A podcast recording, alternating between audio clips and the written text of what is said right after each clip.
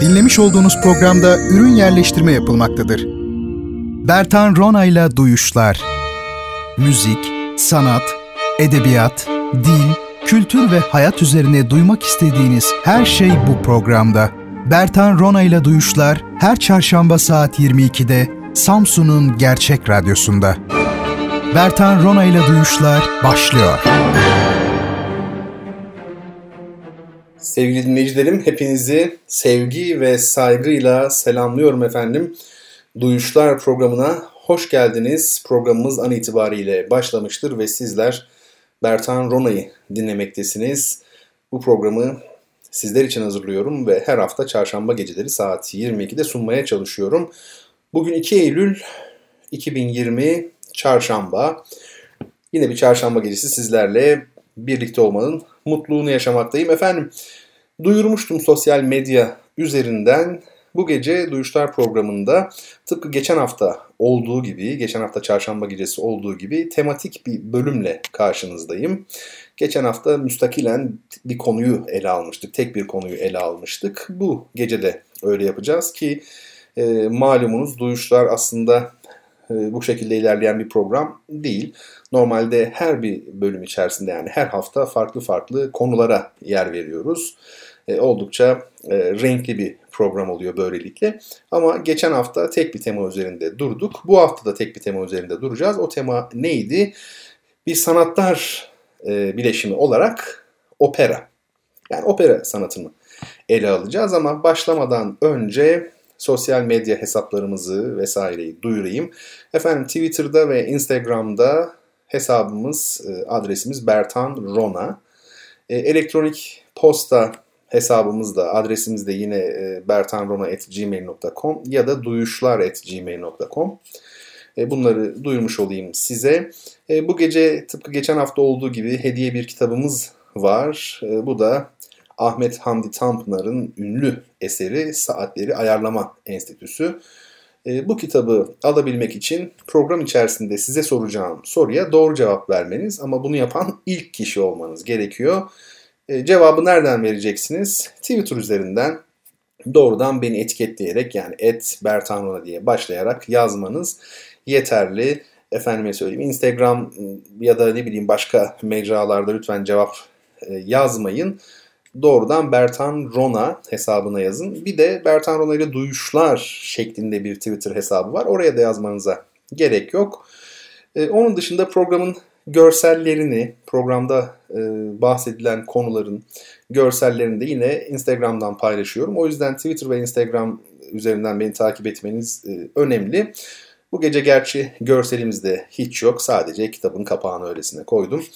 E, duyuşların eski bölümleri bütün bölümleri daha doğrusu bugüne kadarki bütün bölümleri SoundCloud'da mevcut çok sevgili dinleyenlerim. E, Spotify'da da artık var duyuşlar. Spotify'dan da yani o rahatlığı, o konforu e, kullanarak, oradan yararlanarak da duyuşların eski bölümlerini dinleyebilirsiniz. Evet, sanatlar bileşimi olarak opera dedik. Bakarız duruma göre eğer e, bu gece istediğimiz kadar ilerleyemezsek ya da arzu ettiğimiz noktaya gelemezsek bir başka deyişle haftaya konuşacağımız konular kalırsa o zaman e, opera konusunu önümüzdeki haftada devam ettiririz. E, bu konu şöyle önemli. Genellikle opera e, çok böyle gizemli bir sanat dalı gibi e, kabul ediliyor ya da müziğin ya da tiyatronun bir şubesi gibi kabul ediliyor. E, genellikle opera şarkısı söyleyenler karikatürize edilerek ele alınıyor veya çoğu insan tarafından komik bulunuyor. E, bu insanların bağırdıkları söyleniyor. Öyle değil mi? E, ve açıkçası opera sahnesinde neler olup bittiğine dair gerçek anlamda kimsenin pek bir fikri yok. Sadece e, bu sanatı bizzat icra edenleri tabii saymayacak olursak işte kemikleşmiş opera hayranı, opera dinleyicisi ya da yine kültürlü e, bir e, dinleyici kitlesi dışında operayı takip eden e, pek yok. Kendimizi bu anlamda kandırmayalım. Yani bilinmiyor opera.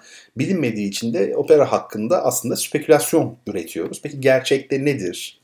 Yani operanın kısa tarihçesi üzerinde de durabiliriz. Tutup Wikipedia bilgileri verecek değiliz tabii ama e, opera ve hayat üzerine konuşuruz. Bir opera nasıl bestelenmekte mesela? Ya da bir opera bittikten sonra, yazıldıktan sonra nasıl sahneye konulur? E, dünyada operanın durumu nedir günümüzde mesela? E, Türkiye'de operanın durumu nedir? E, insan sesinin özellikleri, teknik açıdan da bakabiliriz buna. Tabii teknik konuları ben ortalama dinleyicinin anlayacağı şekilde e, tabiri caizse meslekten olmayanlara anlatır gibi anlatacağım. Onu da ifade etmek isterim. Efendim şimdi opera hemen hepimizin malumu ki İtalya'da doğmuş olan bir e, yüksek sanat gerçekten. E, şimdi e, Wagner, opera bestecisi Wagner 19. yüzyılın ikinci yarısında özellikle başyapıtlarını vermiş olan Alman Richard Wagner opera için Gesamtkunstwerk diyordu Almanca. Yani bütün sanatların bileşimi gibi bir e, şekilde çevirebiliriz bunu.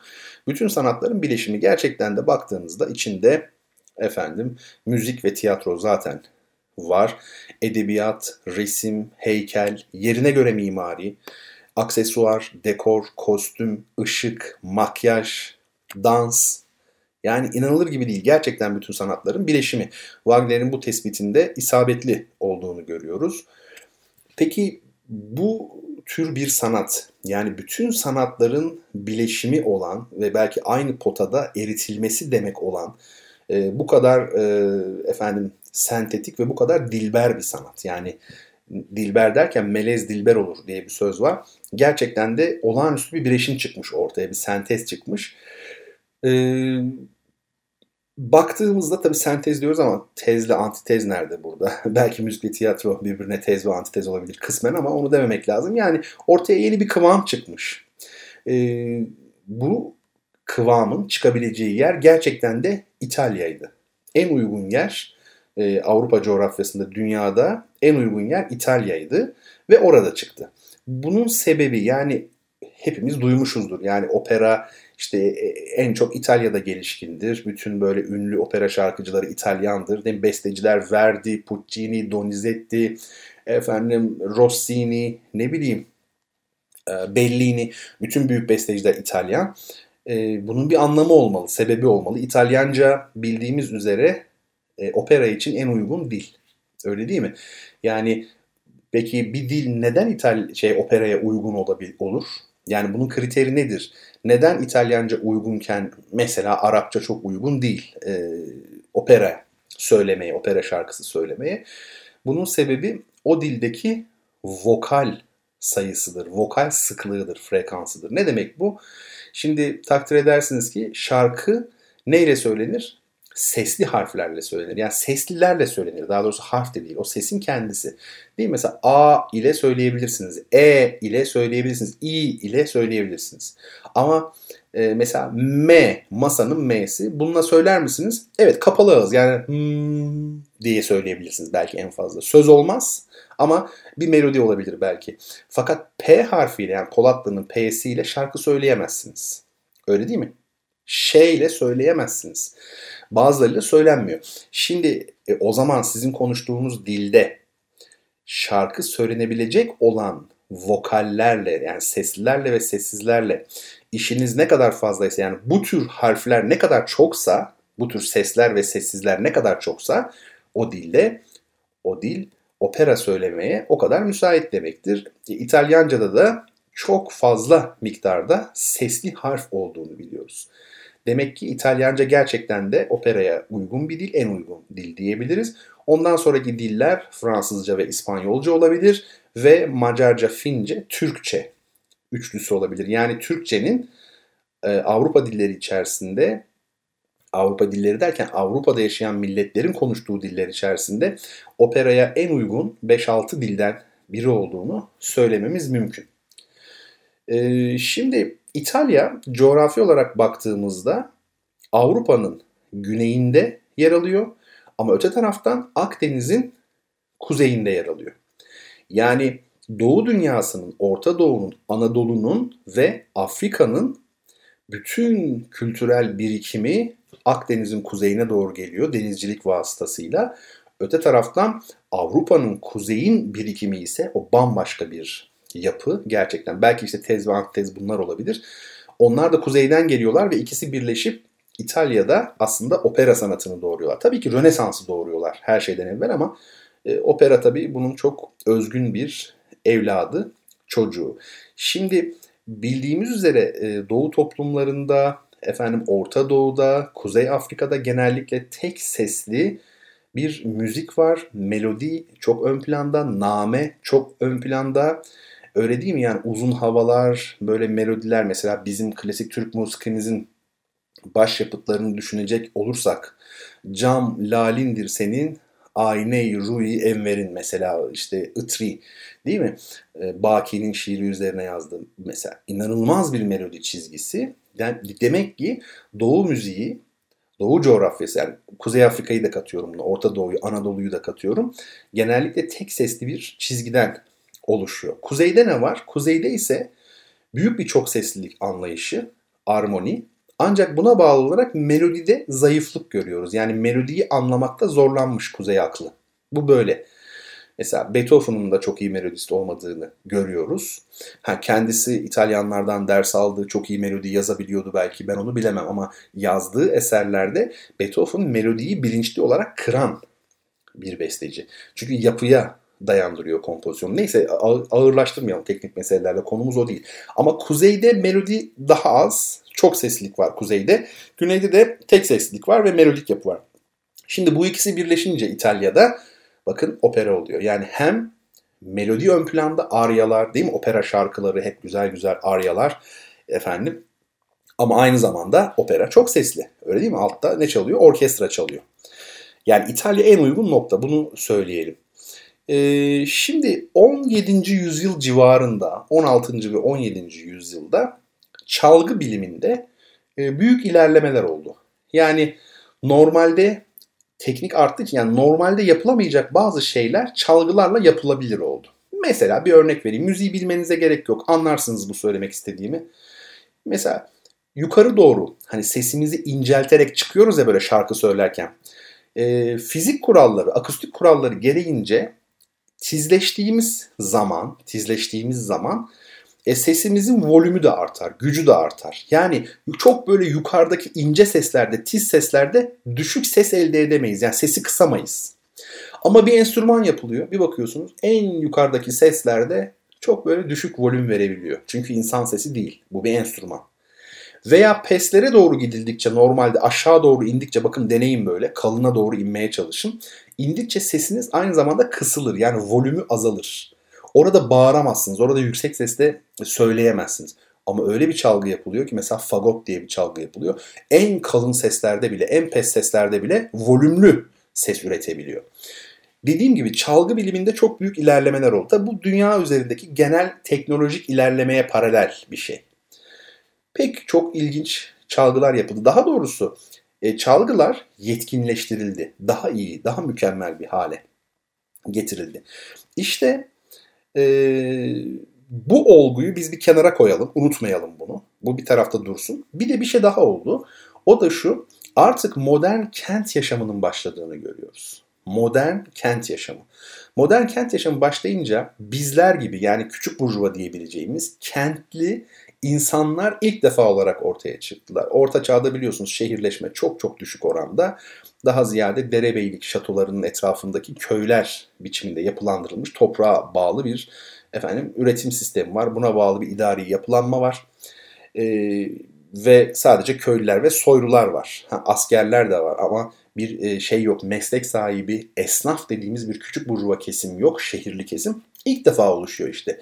1500'lü yıllardan itibaren ve bu kesime e, baktığımızda bir süre sonra bu kesimin artık böyle hani bugünkü manada konser diyebileceğimiz bir kültürel etkinliğe ihtiyaç duyduğunu ve konserlerde buluşmaya başladığını görüyoruz. Daha evvel konser diye bir şey yok. Yani müzik yapılıyor ama müzik aristokrasinin saraylarında yapılıyor. Ancak orada yapılıyor. Mozart'ın hayatı da böyleydi. Hani bugün bizim bilet alıp gittiğimiz devlet senfoni orkestrasının veya operanın efendim temsilleri, konserleri var ya işte bu tür bir şey pek yok. Yeni yeni olacak. Bu olduğunda, olmaya başladığında sahneler büyüyor. Çünkü sarayda yaparken, aristokrasinin sarayında yaparken müziği e, şeyler küçüktü salonlar. O da müziği gibi müzikler yapılıyordu. Ama şimdi salonlar büyüdü çünkü 500 kişi bir araya geliyor. Ona göre yapılıyor inşaatlar. Öyle değil mi? Yani konser salonları. E, bu kadar sayıda insan bir araya geldiğinde sesinizi nasıl duyuracaksınız? Şarkı söylüyorsunuz. Nasıl duyuracaksınız sesinizi? Öyle değil mi? Burada bir problematik söz konusu. E, ve tabii mikrofon da yok. O zaman sesinizi uzağa duyurabilmeniz gerekiyor. İşte bu olguyu da bir tarafa koyalım. Hani çalgı bilimindeki ilerlemeler dedim. Bir taraftan da büyük sahnelerde büyük ses ihtiyacı. Yani sesi ileriye kadar götürebilme ihtiyacı. İşte bu ikisi birleştiğinde e, şan tekniği doğdu. Tabii çalgı bilimindeki ilerlemelerle ne ilgisi var? Şarkıcılar çalgılarla yarışmaya başladılar. Yani fagot madem pes seslerde, kalın seslerde bile böyle volümlü değil mi? Güçlü ses üretebiliyor. Ben de öyle bir teknikle şarkı söyleyeceğim ki normalde imkansız olduğu halde aşağı doğru insen bile daha yüksek volümle söyleyeceğim. Yani şarkıcıların çalgılarla yarışması. Bir bu. Efendime söyleyeyim. Bir taraftan da büyük sahnelerdeki büyük ses ihtiyacı. Şimdi bu şarkıcıların çalgılarla yarışmasına küçük bir e, burada e, şey koyalım, mim koyalım. Ne demek istiyorum? E, onun için bir müzik arası vereceğim. Küçük bir müzik arası. E, küçük derken aslında küçük de değil yani biraz e, belki uzun. E, ya 2-3 dakika bir şey nereden bileyim yani ben de bilmiyorum. Kendimi niye zorluyorsam bunu tabii şey yap tam bilmek için. Şimdi mesela bu şarkıcılarla çalgıların yarışması. Yani insan sesine sahip yani bir kişi bir enstrümanla nasıl yarışır? Buna dair küçük bir müzik örneği dinleyelim. Bu tabii yüzlerce yıl sonra yani 19. yüzyılda 1800'lü yılların hatta ikinci yarısında yazılmış bir operadan e, bir sopranonun e, bir enstrümanla, bir flütle e, nasıl rekabet ettiğini, sesini sanki flütmüş gibi nasıl kullandığına dair küçük bir örnek vereceğim. O zaman o yarışma meselesi anlaşılacak. Yalnız bundan evvel şunu söyleyeyim tabii. Opera nerede doğdu? Tabii ki işte İtalya'da işte Medici ailesinin saraylarında, evlerinde ilk defa onlar patrone ettiler. Yani patronajı onlar yaptılar, finansmanı onlar e, sağladılar. İlk opera denemeleri o yıllarda yapıldı. Yani kabaca 1600 diyebiliriz ilk opera. Bestelenen ilk opera 1596 1600. Ama Tabi o dönemki western yani operalar bugünkü böyle geç romantik büyük operaların yanında elbette ki çok mütevazı örnekler, farklı örnekler ama yine de bir fikir verebilir. Şimdi isterseniz bu şarkıcılarla çalgıların yarışmasını bir dinleyelim kaldığımız yerden devam edelim.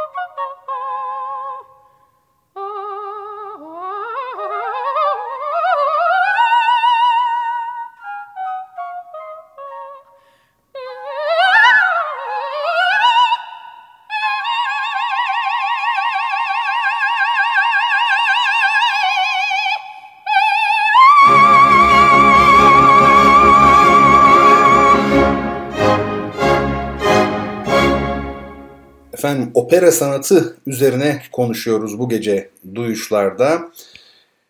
E, pek çok şey söylenebilir elbette opera üzerine. Biz de programımızın başladığı andan bu yana bu dakikaya kadar e, bazı şeyler, bazı düşünceler e, öne sürdük ama elbette devamı da var.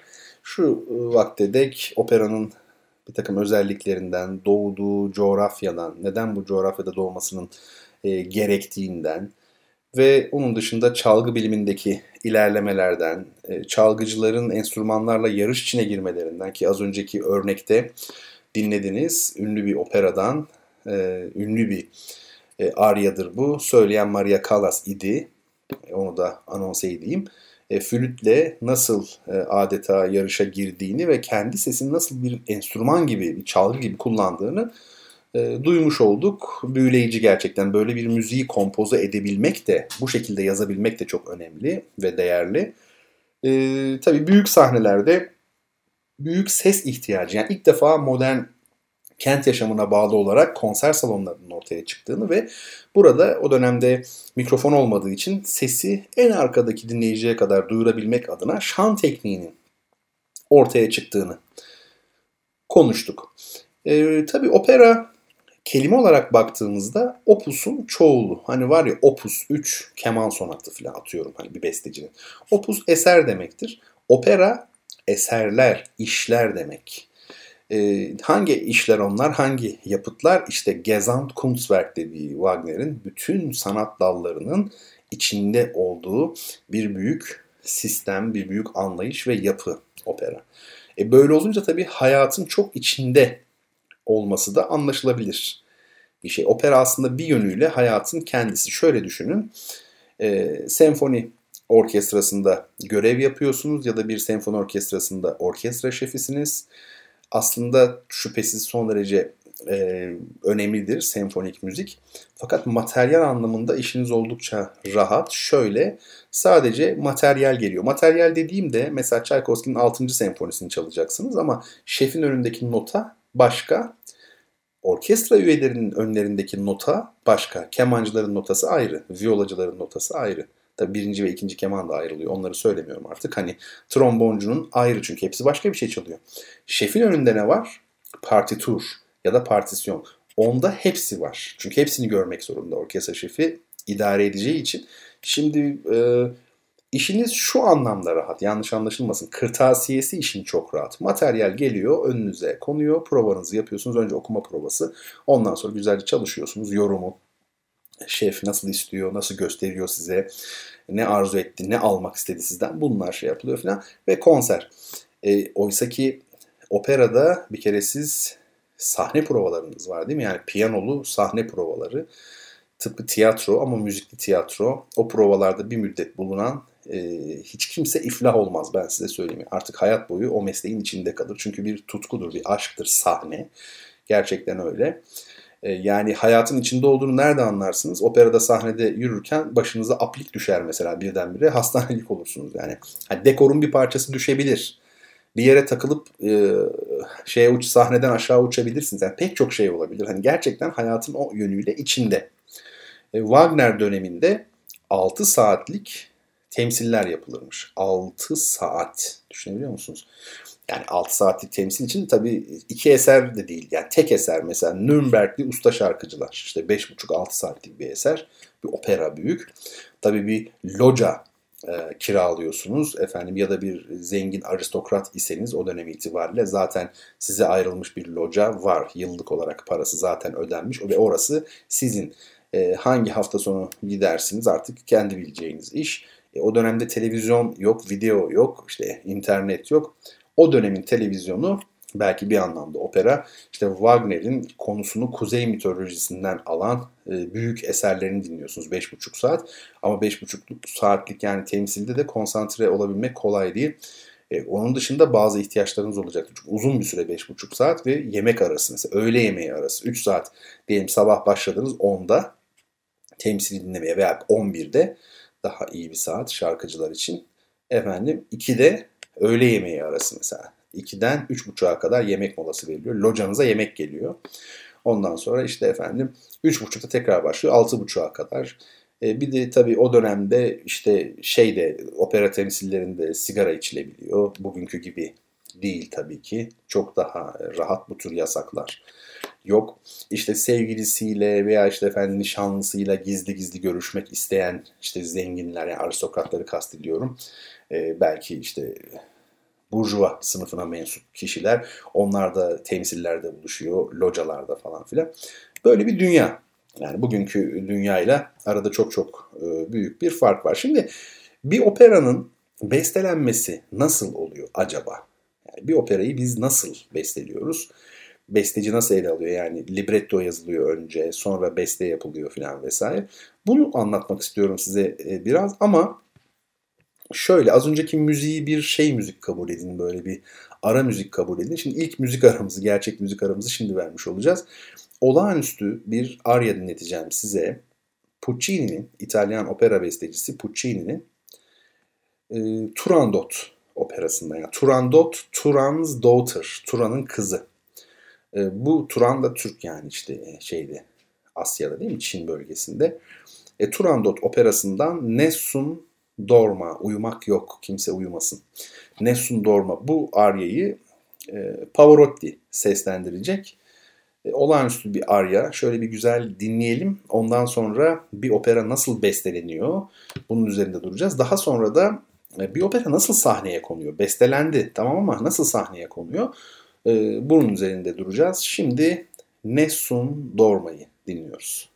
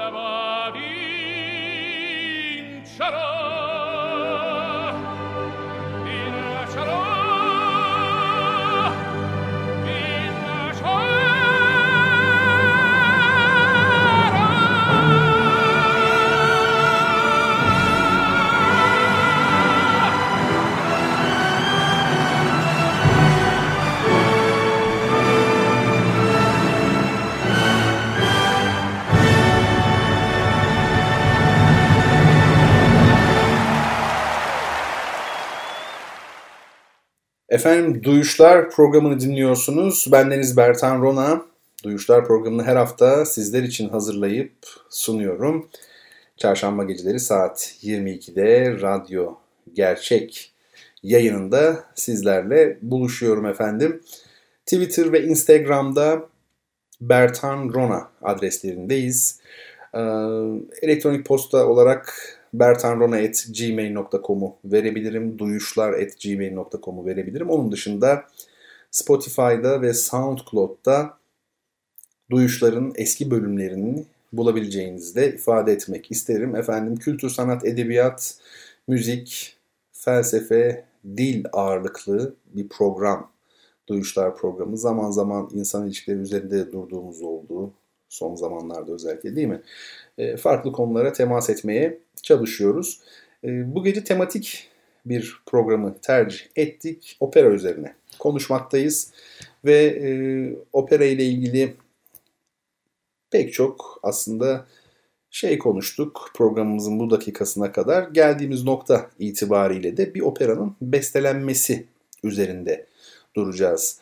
Pavarotti'nin yorumladığı Nessun Dorma operasını dinledik son olarak. Puccini'nin Turandot operasından Nessun Dorma operası. Bir de konuyu bilseniz Nessun Dorma'nın ne demek olduğunu yani ne anlama geldiğini tam olarak e, bilseniz inanılmaz derecede e, etkilenirsiniz eminim. E, şüphesiz bilenler de vardır aranızda. Ben bilmeyenler için söylüyorum bunu. Efendim bir operanın tabi bestelenmesi söz konusu olduğunda ilk problem belki de çoğu kişinin aklına geleceği gibi müzik ile tiyatronun uyumu problemi. Bilindiği üzere opera temelde tabii bir e, tiyatro e, biçimi. O yüzden opera binalarına ne denir? Tiyatro binası denir. Tiyatrodur yani müzikli tiyatro. Ama öte taraftan bir müzik formu opera. Dolayısıyla e, müzik ve tiyatro gibi tamam her ikisi de e, kronosa tabi. Yani her ikisi de zamanla ilgili belki fonetik e, birer sanat olsa da sonuçta farklı sanatlar bunlar ve bunların uyumu gerekir. Yani uyumlu bir şekilde bir araya getirilmeleri gerekir. Hani vardır ya müzikle sözün uyumu, prozodi diye bir şey var mesela. Rastgele alıp da bu sözleri ben şarkı olarak besteleyeyim diyemiyorsunuz. Çünkü sözün belli özellikleri var, vurguları var. Müzikte de buna uygun şekilde hareket etmeniz gerekiyor ya. Dolayısıyla müzikle tiyatronun bir kere uyumu gerekiyor. Şimdi belli bir tarihte İtalya'da opera deyince tiyatro değil de müzik diyeceğim ama aslında müzik de değil. Ne biliyor musunuz? Sadece opera şarkıcılarının yaptıkları o teknik cambazlıklar. Hani çok böyle güçlü bir tenor, çok iyi bir soprano. E, bu gece dinlediğimiz ilk müzik vardı ya hani böyle Maria Callas e, şeyle flütle yarışıyordu adeta. Onun gibi böyle bravur efektler, böyle çalgılarla yarışma, yani sesle virtüözite yapma. Onu demek istiyorum. Virtüözite e, yapma. E, bu tabii ön planda o dönemde. Yani tiyatro eserin teatral dokusu, metni ön planda olmadığı gibi müziği bile değil aslında. Şarkıcının söylediği ve onun sesi daha doğrusu bu çok ön planda. Ve opera e, piyasasında da şarkıcılar egemenmiş. En büyük parayı onlar alıyor. Efendime söyleyeyim. E, böyle bir dünya var. Ama besteciler bundan rahatsız mı? Rahatsız efendim libretistler bundan rahatsız mı? Yani operanın metnini yazanlar e, onlar da rahatsız.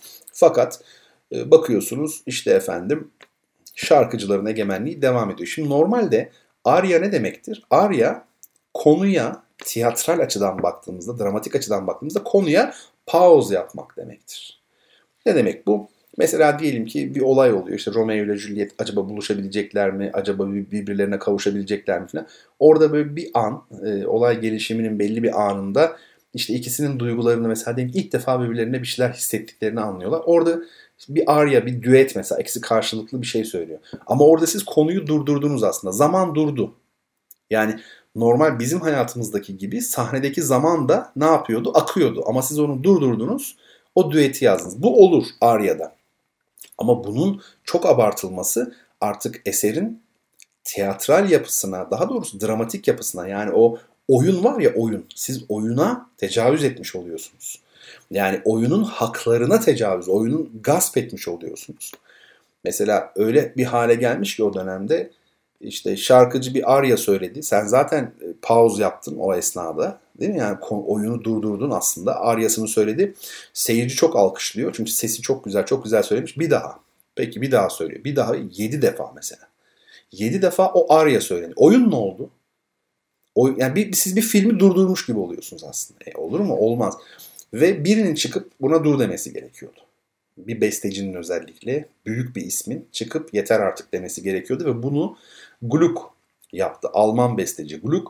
Eğer Gluck olmasaydı E, Mozart bugün bizim bildiğimiz anlamda operalarını yazamazdı. E, opera sanatı bugün olunan yerde olduğu yerde olamazdı. Onu söyleyeyim. Çok çok önemlidir onu yaptığı e, çıkış ve ünlü bir operası Gluck'un çok ünlü bir operasının efendim temsilinden evvel e, o bir tabi hani kitapçık var ya kitapçık dağıtılıyor gittiğinizde şeye temsile. Efendim orada o kitapçıkta eserin kitapçığında Gluck bakın ne diyor. Bir yıl, yıl kaç biliyor musunuz? Yani 1750 civarı öncesi de olabilir hatta. Şöyle diyor. Bu operaya yani bu konuya müzik yapma işini üzerime alırken kararım müzik sanatını her türlü kötü uygulamadan temizlemekti. Bu tür uygulamaların meydana gelmesine neden ise okuyucuların yani şarkıcıların gururu ile bestecilerin aşırı uysallığından doğan kötü uygulamanın İtalyan operalarına sızması ve dolayısıyla sahne sanatlarının en mükemmeli ve en güzeli olan operanın gülünç ve sıkıcı bir duruma düşmesidir. Niye düşmüş? Bakın ne diyor. Şarkıcıların egosu, bestecilerin ise aşırı uysallığından doğan bu kötü uygulama İtalyan operasına sızmış. Ve opera sanatını, mükemmel bir sanat olan opera sanatını ne yapmış? sahne sanatlarının en mükemmeli olan diyor opera sanatının gülünç ve sıkıcı bir duruma düşürmesidir diyor, düşmesidir. Onun içindir ki şimdi ben müziği artık gerçek anlamına çevirmeye yani şiire hizmet edebilecek duruma yöneltmeye gayret ediyorum. Ve müzik sanatı ancak böylelikle duyguların ifadesini ve yaşanan anın çekiciliğini olayı kesmeden ya da gereksiz süslemelerle zayıflatmadan yükseltebilme imkanını elde edecektir. Bakın çok net anlaşılıyor değil mi benim ön açıklamamdan sonra? Yani e, kesmeyecek diyor. Müziği diyor kesmeyecek diyor şarkıcı. Onu demek istiyor.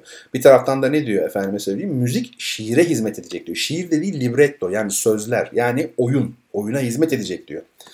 Demek istediğim şudur ki diyaloğun en ateşli anında aktöre sıkıcı bir müziğin sonunun bekletilmesini ya da uzun bir pasaj içinde güzel sesinin akıcılığını gösterebilmek için kelimenin ortasında aktörün durdurulmasını artık önlüyor. Yüksek bir zevkin, sağlam bir aklın uzun zamandır direndiği bütün bu kötü uygulamaları öteden beri def etmek isteğimdir sanatta doğal yoldan elde edilen buluşlar dışında hiçbir yeni buluşa önem vermedim ve doğal bir duyuluş elde etmek için feda etmeyeceğim hiçbir kutsallaştırılmış kural yoktur. Şimdi bakar mısınız e, söylediklerine e, Gluck'un? Yani bu gerçekten bir e, manifesto. Yani büyük bir devrim operada ve o İtalyan operasındaki o şarkıcıların egemen olduğu o bravur saplantılı, aşırı böyle e, virtuozite saplantılı ama oyuna, şiire zarar veren, mantığa, akla aykırı gelen bütün o uygulamaları olduğu gibi kaldıracağını, bundan sonra kendi anlayışı doğrultusunda kompozisyon yapacağını yani kompoze edeceğini söylüyor. Beste yapacağını, opera yazacağını söylüyor Gluck. Ve yapıyor da Gerçekten Gluck'un operaları çok çok dengelidir ve daha sonra biz oradan hareketle o mirası devralan Mozart'ı görüyoruz. Bel canto geleneğini görüyoruz ve onlar da zaten kimlere taşıdılar? Opera sanatını Verdi'ye, en büyük üstad olan belki de Verdi'ye ve daha sonra Puccini'ye belki modern operaya kadar devam ediyor. Ee, şimdi tabii bir opera besteleneceği zaman öncelikle şunu çok iyi bilmek lazım. Ben bunu çok yaşadım hayatımda yani olumlu ve olumsuz örneklerini yaşadım. Bir kere hangi konu opera olur? Hangi konu bale olur? Hangisi piyes olur? Hangisi roman olur? Hangisi senaryo olur? Değil mi? Şimdi mesela bir konu duyuyor adam diyor ki bunu opera yapalım diyor. Ya opera olabilmesi için belli özellikler lazım. Onda bu özellikler yok. Bu opera olmaz. Ama bundan çok güzel modern dans olur mesela bale olur. Ya da bir konu var çok güzel roman olur. Ama öykü olmaz ya da mesela piyes olmaz. Biri var ki sadece tiyatro oyunu olur, opera olmaz. Ama biri var ki çok güzel opera olur. Bunun ayırdığına iyi varmak lazım. Bu da tecrübe gerektiriyor işin içinde olmayı gerektiriyor. Bir insan ne kadar büyük müzisyen olursa olsun ya da ne kadar büyük bir konservatuar hocası olursa olsun operanın içinde olmadan, çalışmadan, yaşamadan operayı bilmek hakikaten e, kolay bir iş değil. E, efendim şimdi opera bir kere ön planda müziktir. Yani tiyatro desek de ön planda tabii ki müzikli bir tiyatro. Burada libretto ile kompozisyon ilişkisi üzerinde durmak lazım. Yani siz bir konu seçtiniz. O konuyu opera olarak bestelemek istiyorsunuz. Önce librettosu yazılacak ve normalde libretto biter. Yani libretto yazılır, biter. Daha sonra besteci o librettoyu alır ve opera haline getirir. Ama librettoyu yazan kişi de normal bir tiyatro oyunu yazar gibi tabii ki yazamaz. Öyle olsa e, Shakespeare gibi en büyük e, oyun yazarları bile ne olurdu? Libretto yazarlardı. Libretto yazabilmek için operayı ve müziği bilmek lazım özellikle. Yani kalemi çok iyi olan bir müzisyen gerekiyor tabiri caizse. Çünkü nerede aryaya ihtiyaç var, nerede ensemble gerekiyor, nerede koro lazım. E, bunları bilmesi lazım. Yani operanın içinde bulunmuş bir insan ve yazdığının sahnede ne kadar uygulanabileceğini bilen, öngörebilen bir kişi lazım. Daha doğrusu ona göre yazan bir kişi lazım. Adam bakıyorsunuz kalemi çok kuvvetli ama opera bilmediği için bir şey yazıyor. Onu sahnede yapmak imkansız. Yani rejiyi de bilecek aslında. O bakımdan libretist böyle biri. Ee, ben libretto yazan biriyim. Yazdım libretto. İki tane opera librettom var. Hatta üç tane. Bunlardan biri defaatle sahnelendi, başarı kazandı çok şükür. Bir tanesi yolda inşallah. Yani seslendirilmesi yolda bitti de seslendirilmesine de belli bir süre kaldı. Ee, bir tanesi de besteleniyor yani öyle diyelim. Ee, o bakımdan bu libretto işlerini tabii ki biliyorum. E, kendim bestecilik mezunuyum. Operanın içinde bulundum. Dolayısıyla libretto yazarken bunları gözeterek e, yazıyorum. E, şimdi libretto efendim yazıldıktan sonra dediğim gibi üzerine beste yapıldı ve elimizde efendim çok güzel bir ne var? Opera var. Harika. Ama nasıl sahneye konulacak bu? Şimdi bunun üzerinde biraz durmak gerekiyor. Yani öyle kolay değil. Onu söyleyeyim. Yani şairsiniz, şiir yazdınız, kitap olarak basıldı, bitti. Ha, kitap olarak e, bastırmak da kolay olmayabilir. Bağlantınız olması gerekiyor. O başka ama hani basıldı mı basıldı, bitti bu kadar. Oysa ki bir operanın sahneye konulması ortalama bir büyük opera için, grand opera için söylüyorum bir buçuk ayı bulabilir. Beş hafta, altı hafta hatta gibi bir zamanı bulabilir. Neden e, böyle? E çünkü pek çok fakülte, pek çok e, efendime söyleyeyim departman, fakülte derken yani birim e, aynı anda çalışıyor. İşin içinde bunların hepsi var. Şöyle düşünelim şimdi. Bir diyelim opera eseri ne olsun? Carmen. E, Carmen'in içerisinde mesela çocuk korosu var. Başka işte atıyorum e, işçi kızlar korosu var diyelim. Pazarcılar korosu var. Atıyorum ya Carmen olsun olmasın başka eser olsun. E solistler falan var. Şimdi kimler çalışacak? Bir kere bütün solistler aryalarını öğrenecekler. Hepsi. Çok iyi öğrenmeli yani. Değil mi? Ansambillerini çalışacaklar. Yani her zaman tek başına söylemiyor. Mesela düet var karşılıklı. Onlara ansambl, yani topluluk diyor. Trio, efendim, kuartet, kentet, sextet böyle böyle gider. Septet, oktet. Şimdi toplulukları da çalışacaklar. E peki nasıl çalışacaklar? Orkestra 100 kişi. Hadi ince 100 kişi hemen onun yanına mı gelecek her çalışmasında? Yani günde 3-4 saat bu soprano, bu tenor, bu aryayı çalışacak. Çalışmak zorunda yani değil mi? Ne oldu? Hadi ince böyle e, şey böyle parmağıyla şıklatacak da şey mi olacak? Orkestra mı gelecek? Hayır. Orkestra sadece genel provalara doğru yani kendi provalarını yaptıktan sonra orkestra sahne provalarından itibaren işin içine girer. Yoksa çünkü çok masraflı, çok hantal olur. Peki o vaktedeki kim çalıştıracak? Korepetitör çalıştıracak. Co-repetitör. Birlikte tekrar ettiren demek. Co-repetitör, repetition. Şimdi ne demek? Korepetitör piyanoyla nasıl yapıyor bunu? Bir besteci operasını besteledikten sonra o operanın bir de piyanolu versiyonunu yapıyor. Buna biz piyano redüksiyonu diyoruz. Piyano indirgemesi yani. Dolayısıyla piyano eşliğinde de o, o operadaki her şey çalınabiliyor aslında. Piyanist bunu çalabiliyor. Dolayısıyla korepetitör elinde notası bütün şarkıcıları güzel korepetisyon odalarında yani kendisine ait olan piyanolu odalarda çalıştırıyor. Yani orkestranın karşısına çıktığında şarkıcı zaten çoktan çalışmış oluyor parçasını. Onu demek istiyor. Peki koro ne yapıyor? Pazar sahnesi var. Pazarcılar sahnesi var. İşte efendim savaş sahnesi var. Erkekler korosu. Yani koronun da işi var. E koro da hadi ince orkestra ile mi buluşacak? Hayır. Koro da kalabalık bir grup. Koroyu kim çalıştırıyor? Koro şefi çalıştırıyor. Provalarda kim eşlik ediyor orkestra yerine? Ona da piyano. Hani nasıl besteci bütün operayı baştan sona piyano eşlikli versiyon olarak yazmıştı. E tamam işte korolu kısımları da piyanolu olarak yazdı. Piyanist geliyor, koro piyanisti. O koroya çalıyor. Koro şefi ne yapıyor? Güzel güzel o parçaları koroya öğretiyor. Koro çalışmış oluyor. Efendim çalışmalar bu şekilde devam ederken rejisör ne yapıyor? Rejisör de sahneleri çalıştırıyor. Dikkat edin korepetisyon çalışmasında sadece müzik var. Şarkıyı söylediniz. Ama siz konser gecesi yani temsil akşamı temsilde sahnede sadece şarkı söylemeyeceksiniz ki. Kostümünüz var. Bu bir tiyatro oyunu aynı zamanda. Yani siz değil mi? Oyun oynayacaksınız. Peki o oyunu kim çalıştırıyor? E, sizin o bilet alıp temsile gittiğinizde sahnede gördüğünüz bütün hareketler kim nereden nereye yürüyecek? Bunların hiçbir notada yazmıyor ki. Kim nereden nereye yürüyecek? Dekor, kostüm, ışık nasıl olacak? Bunların tamamını belirleyen kişi rejisördür. Bir sinema yönetmeni nasıl filmi e, çekiyorsa operada da rejisör adeta onun gibi eseri sahneye koyan, her şeye karar veren kişi. Dolayısıyla rejisör de çalıştırıyor mesela. İşte 3 numaralı parçada soprano ile tenor sen şuradan geçeceksin, sen şuradan geç ama şarkılarınızı söylerken şu hareketi yapacaksın, ona sarılacaksın falan. Peki orkestra var mı? Hala yok. Çünkü bu e, sahne provalarına da orkestrayı getiremezsin. Anlamı yok yani. Orkestra niye gelsin? Burada da kim çalıyor? Piyanist çalıyor, korepetitör. Sahne provasına çalıyor. Yani o besteci hazırlamıştı ya piyano redüksiyonunu, piyano indirgemesini, piyanolu versiyonu. Oradan çalıyor. Şimdi bir süre sonra orkestra şefi de artık temsile doğru yaklaşılacağı zaman orkestra şefi tabi solistleri de dinliyor, koroyu da dinliyor ama temel işi ne kimi çalıştırmak? Orkestrayı çalıştırmak. Orkestra şefi orkestrayı çalıştırıyor. O da diyelim partisini öğrendi. Orkestrada herkes kendi partisini öğrendi. Çalışıyorlar. Güzel, temiz çalıyorlar.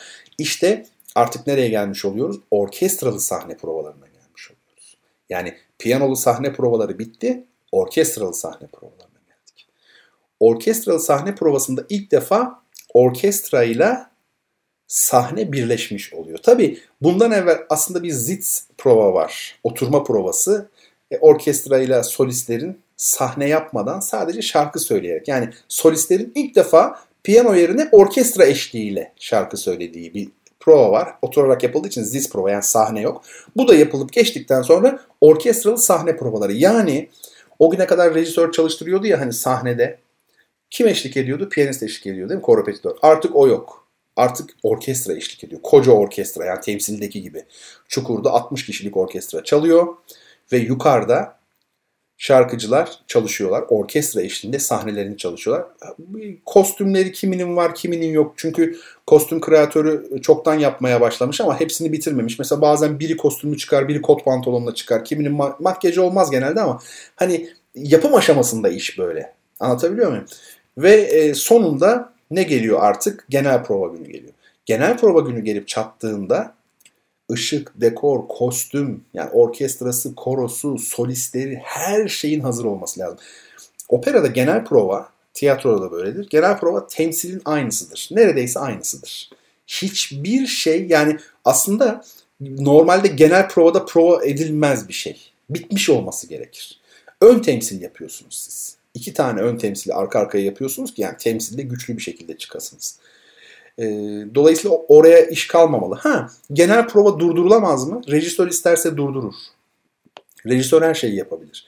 Efendim mesela orada bir eksik görürse rejisör durdurur ve bunu temsilde yapmayın bile diyebilir. Ama bu nadirdir. Çünkü genel prova dediğim gibi iş çoktan bitmiş olmalı.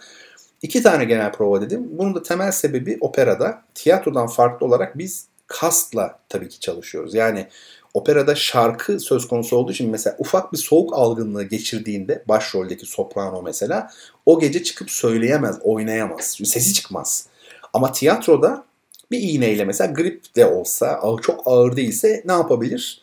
Oynayabilir. Yani tiyatroda o yüzden e, tek kast. Fakat şeyde siz söyleyin adını. Operada iki kast. Çünkü e ne oldu? Hasta oldu şey mi yapacaksın? Perde mi kapatacaksınız yani? O kadar masraf edilmiş yani. Operanın şakası yok. Tiyatrocuların e, bir ayda kullan yak yani bir ayda veya bir yılda ödedikleri elektrik faturasını biz bir temsilde ödüyoruz neredeyse. Yani operacılar e, şöyle operada ışıklandırma ayrı bir şey. 100 kişilik koro çıkıyor sahneye 100 tane kundura atölyesi. Hiçbir tiyatro topluluğunda kunduracı yoktur mesela. Dışarıdan alırlar. Niye? E, oyun en kalabalık 10 kişi olsun 15 kişi olsun. Ayakkabılar alınabilir. Ama bizde her oyun için operada 100 tane ayakkabı mesela. Pahalıya geleceği için içeridedir.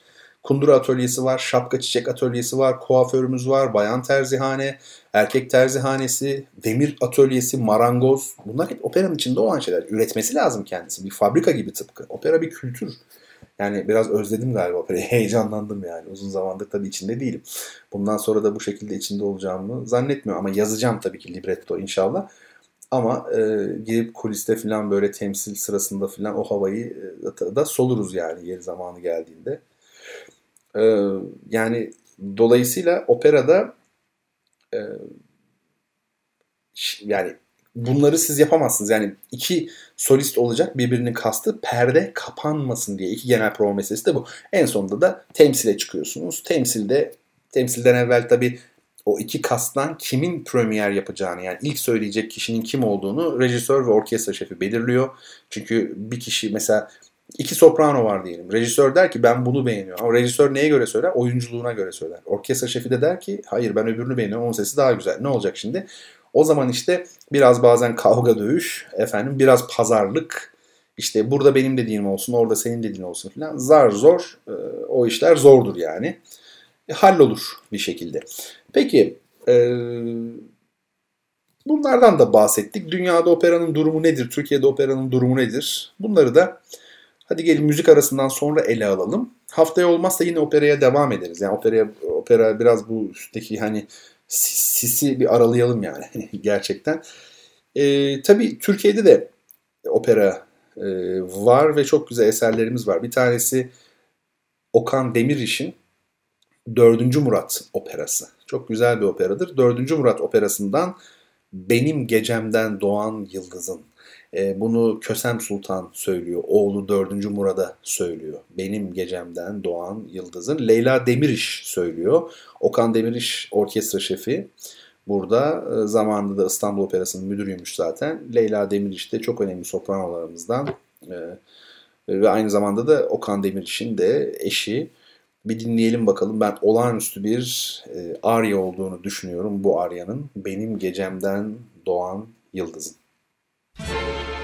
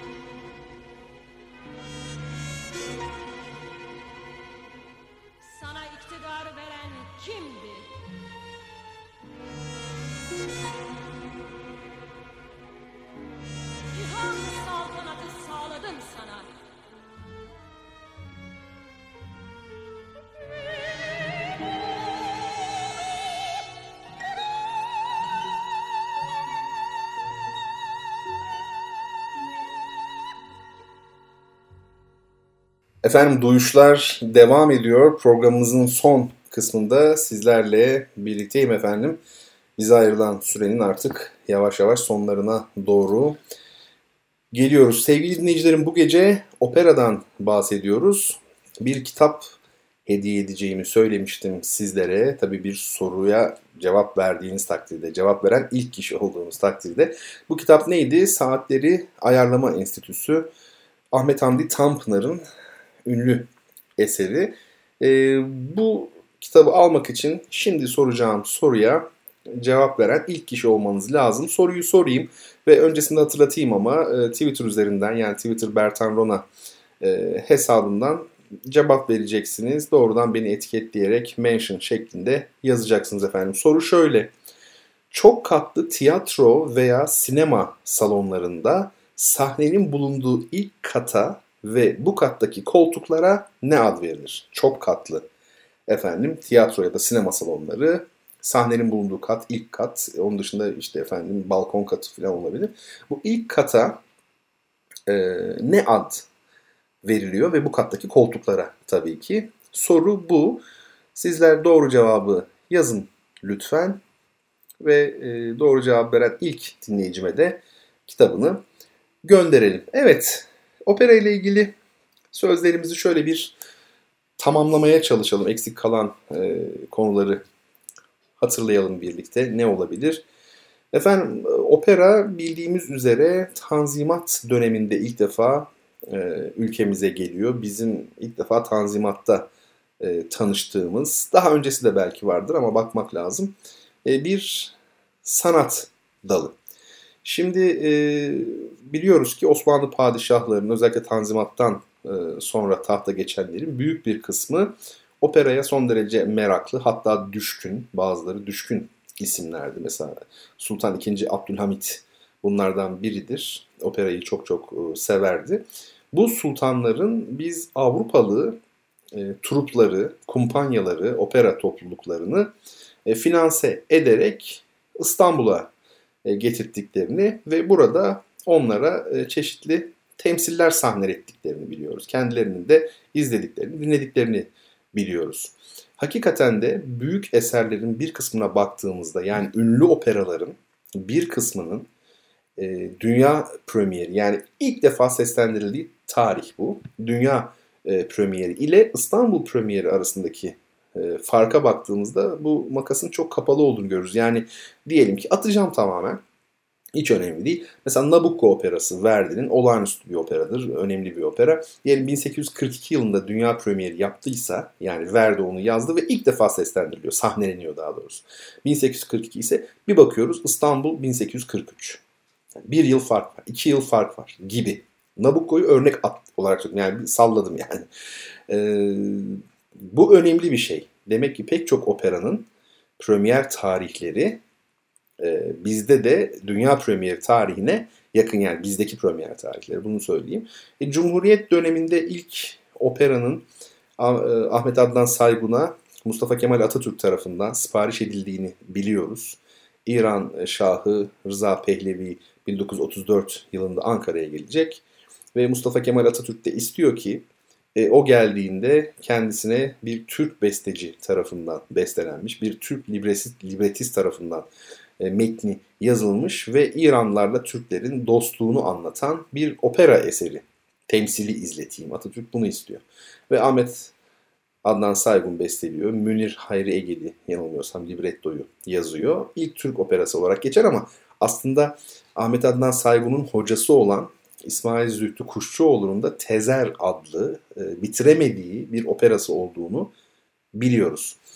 E, Cumhuriyet döneminde pek çok tabi girişim oldu ve bugün bizim çok önemli operalarımız var artık. E, çok değil sayıları. Belki 30 civarında. Ama bunların da tabii tamamı opera formunun gereklerini yerine getirebilmiş eserler değil. Ancak içlerinde bazıları var ki gerçekten dünya standartlarında opera formunun gereğini yerine getiren yapıtlar. İster dramatik olsun, ister e, efendim komik olsun fark etmez. Şimdi e, tabii Türkiye'de 6 ilde opera mevcut. İstanbul, Ankara, İzmir, Antalya, Mersin, Samsun. Bu 6 ilde operamız var ve e, bunlar tam kapasite çalışıyorlar. O illerin e, efendime söyleyeyim opera ihtiyacını, görsel sanatlar, sahne sanatları ihtiyaçlarını karşılıyorlar. Aynı zamanda mesela Samsun gibi, Antalya gibi, özellikle Samsun, Antalya'yı demeyeyim de Samsun'da mesela opera orkestrasının e, kendi asli görevi dışında senfonik konserler verdiğini de biliyoruz. Bu da çok güzel bir şey. Böylelikle Samsun'da yaşayan vatandaşlarımız da orada bir senfoni orkestrası olmamasına rağmen e, bildiğimiz bir senfonik konsere bu anlamda gidebiliyorlar. Tabii kadrosuzlukla ilgili pek çok sorun e, var. E, konservatuarı bulunmayan efendim e, kentlerde opera açılırsa bunun pek çok handikapı var, yan etkileri var, sıkıntıları var yani. Bunlar çok da bir biraz meslekten insanların belki ilgi duyabileceği şeyler. E, kafa şişirmek istemem. E, onu söyleyelim. Ve birkaç not daha e, belirteyim. Birkaç not daha söyleyeyim size. Ondan sonra e, programı sonlandırayım. Şunu unutmamak gerekiyor. Yani eskiden İtalyanlar üç tür müziği ayırt ediyorlardı. Cantare, sonare, toccare. Biri e, cantare, canto yani şan. Sonare yaylı çalgılar ve üflemelilerle yapılan müzik. Tokare de klavyeli çalgılarla yapılan müzik. Burada en doğru müziği e, melodik ise eğer müzik yani tonal müzikse yani atonal değilse en doğru müziği elbette ki insan sesi yapar. Yani şan yapar. Solist olabilir, koro da olabilir. Çünkü insan sesi öyle olanaklara sahip ki bunu mesela piyano ile yapma şansınız yok. Bunu aslında hiçbir çalgıyla tam olarak yapamazsınız. E, o bakımdan insan sesinin en doğru müziği. Çünkü en en legato müziği o yapıyor. Yani legato müzik yapmak müziğin aslıdır. E, o bakımdan insan sesi yapıyor.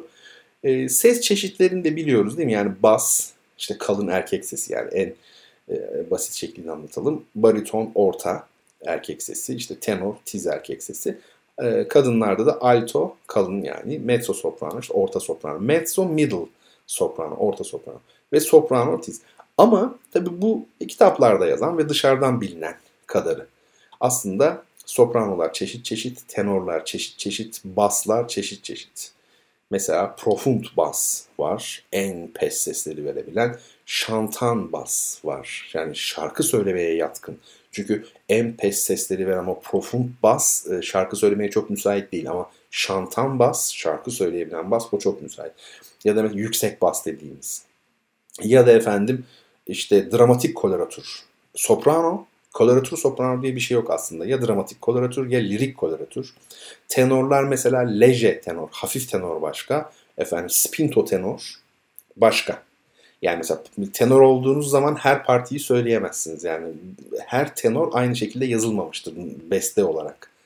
Yani diyelim ki Turandot operası hani bugün bir örnek dinledik ya Puccini'nin Turandot operasında bir Kalaf partisi var. Kalaf karakterin ismi. O da tenor ama o mesela lirik tenor için yazılmış bir ses değil değil mi? Daha böyle büyük bir ses, daha spinto tenor. Yani tenor ama nasıl bir tenor? Onlar da kendi içinde ayrılıyor. Bunu bilin istedim. Bir de şöyle şeyler komik yani bunları kesinlikle gülüp geçebilirsiniz. Yok işte efendim Çin'de bir kadın varmış sesi 8 oktavmış. Şu adam varmış 4,5 oktav sesi varmış falan. Bunlar boş iş yani. 4,5 oktav sesi olamaz kimsenin. Yani şöyle Maria Callas tarihin gördüğü en büyük şarkıcılardan biriydi. Sesi an, 3 oktav bile değildi. Ancak o da yani her yerinde aynı şekilde tınlamıyor.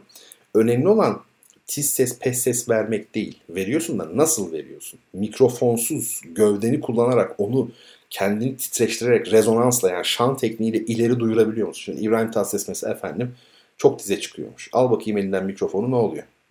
Yani bunca yıl dinlediniz. Yani, tatlı sesle Pavarotti'yi kıyaslıyorlar ya. Siz birinin elinde mikrofon olduğunu öbürünün elinde olmadığını fark edemediniz mi yani? Değil mi? Mikrofon e, sesiniz çünkü İbrahim Tatlıses'in veya işte şan tekniğiyle söylemeyen birinin e, bedeni titreşmiyor aslında. Ben anlatabilmek için böyle söylüyorum. Yani bedenini kullanarak değil, mikrofon aracılığıyla. Küçük bir sesle. Uf nasılsa mikrofon var her yere götürebilirsiniz. Ama öbürü bütün bedenini titreştirerek yani bir gitar nasıl titreşiyorsa siz çaldığınızda onu titreştirerek ve mikrofonsuz söylüyor. Bu önemli. Yani o 8 oktav bu 5 oktav böyle bir şey yok. 3 oktav bile inanılmaz bir şeydir. İmkansıza yakın bir şeydir. Yani normalde bir insanın sesi bir oktav civarıdır. Yani operacıların 2,5 yani bir, bir oktav, bir buçuk oktav.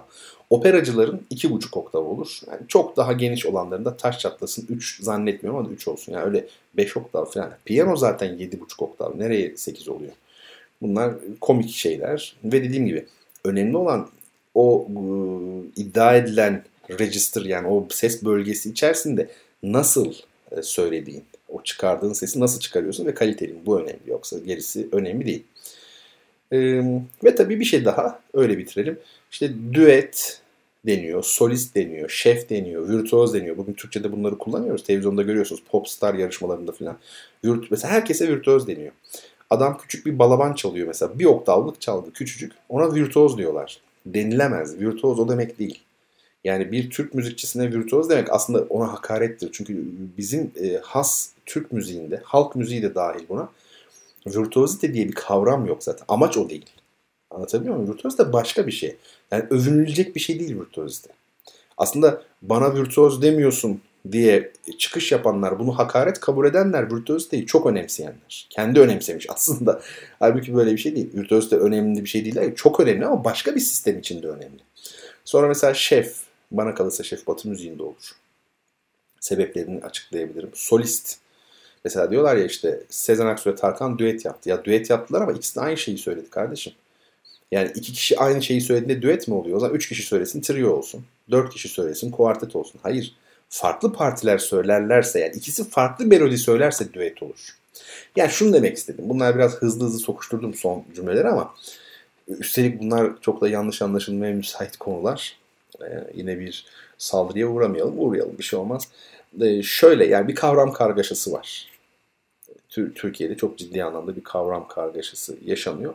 Opera da bundan nasibini e, almış bir alan. Onu ifade etmek istedim. Evet.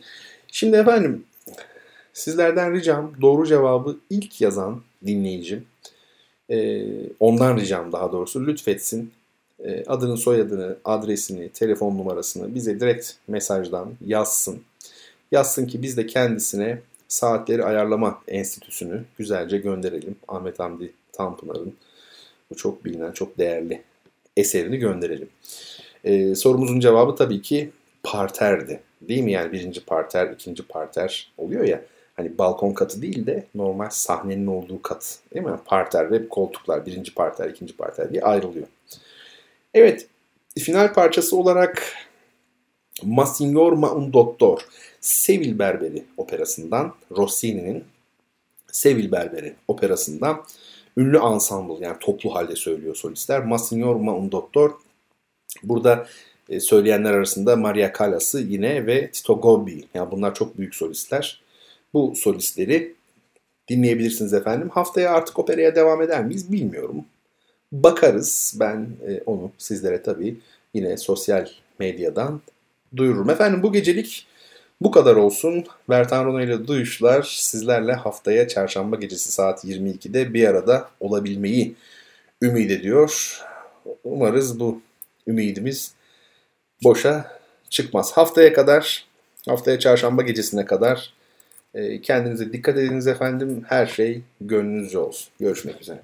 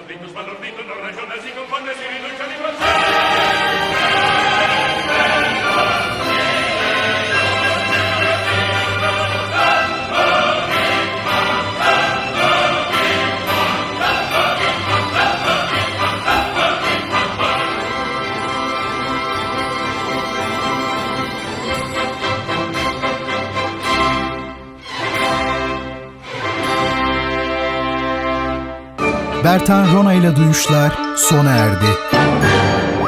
Bu program hakkındaki düşüncelerinizi dinleyen et radyogercek.com adresine mail atarak bize ulaştırabilirsiniz. Dinlemiş olduğunuz programda ürün yerleştirme yapılmıştır.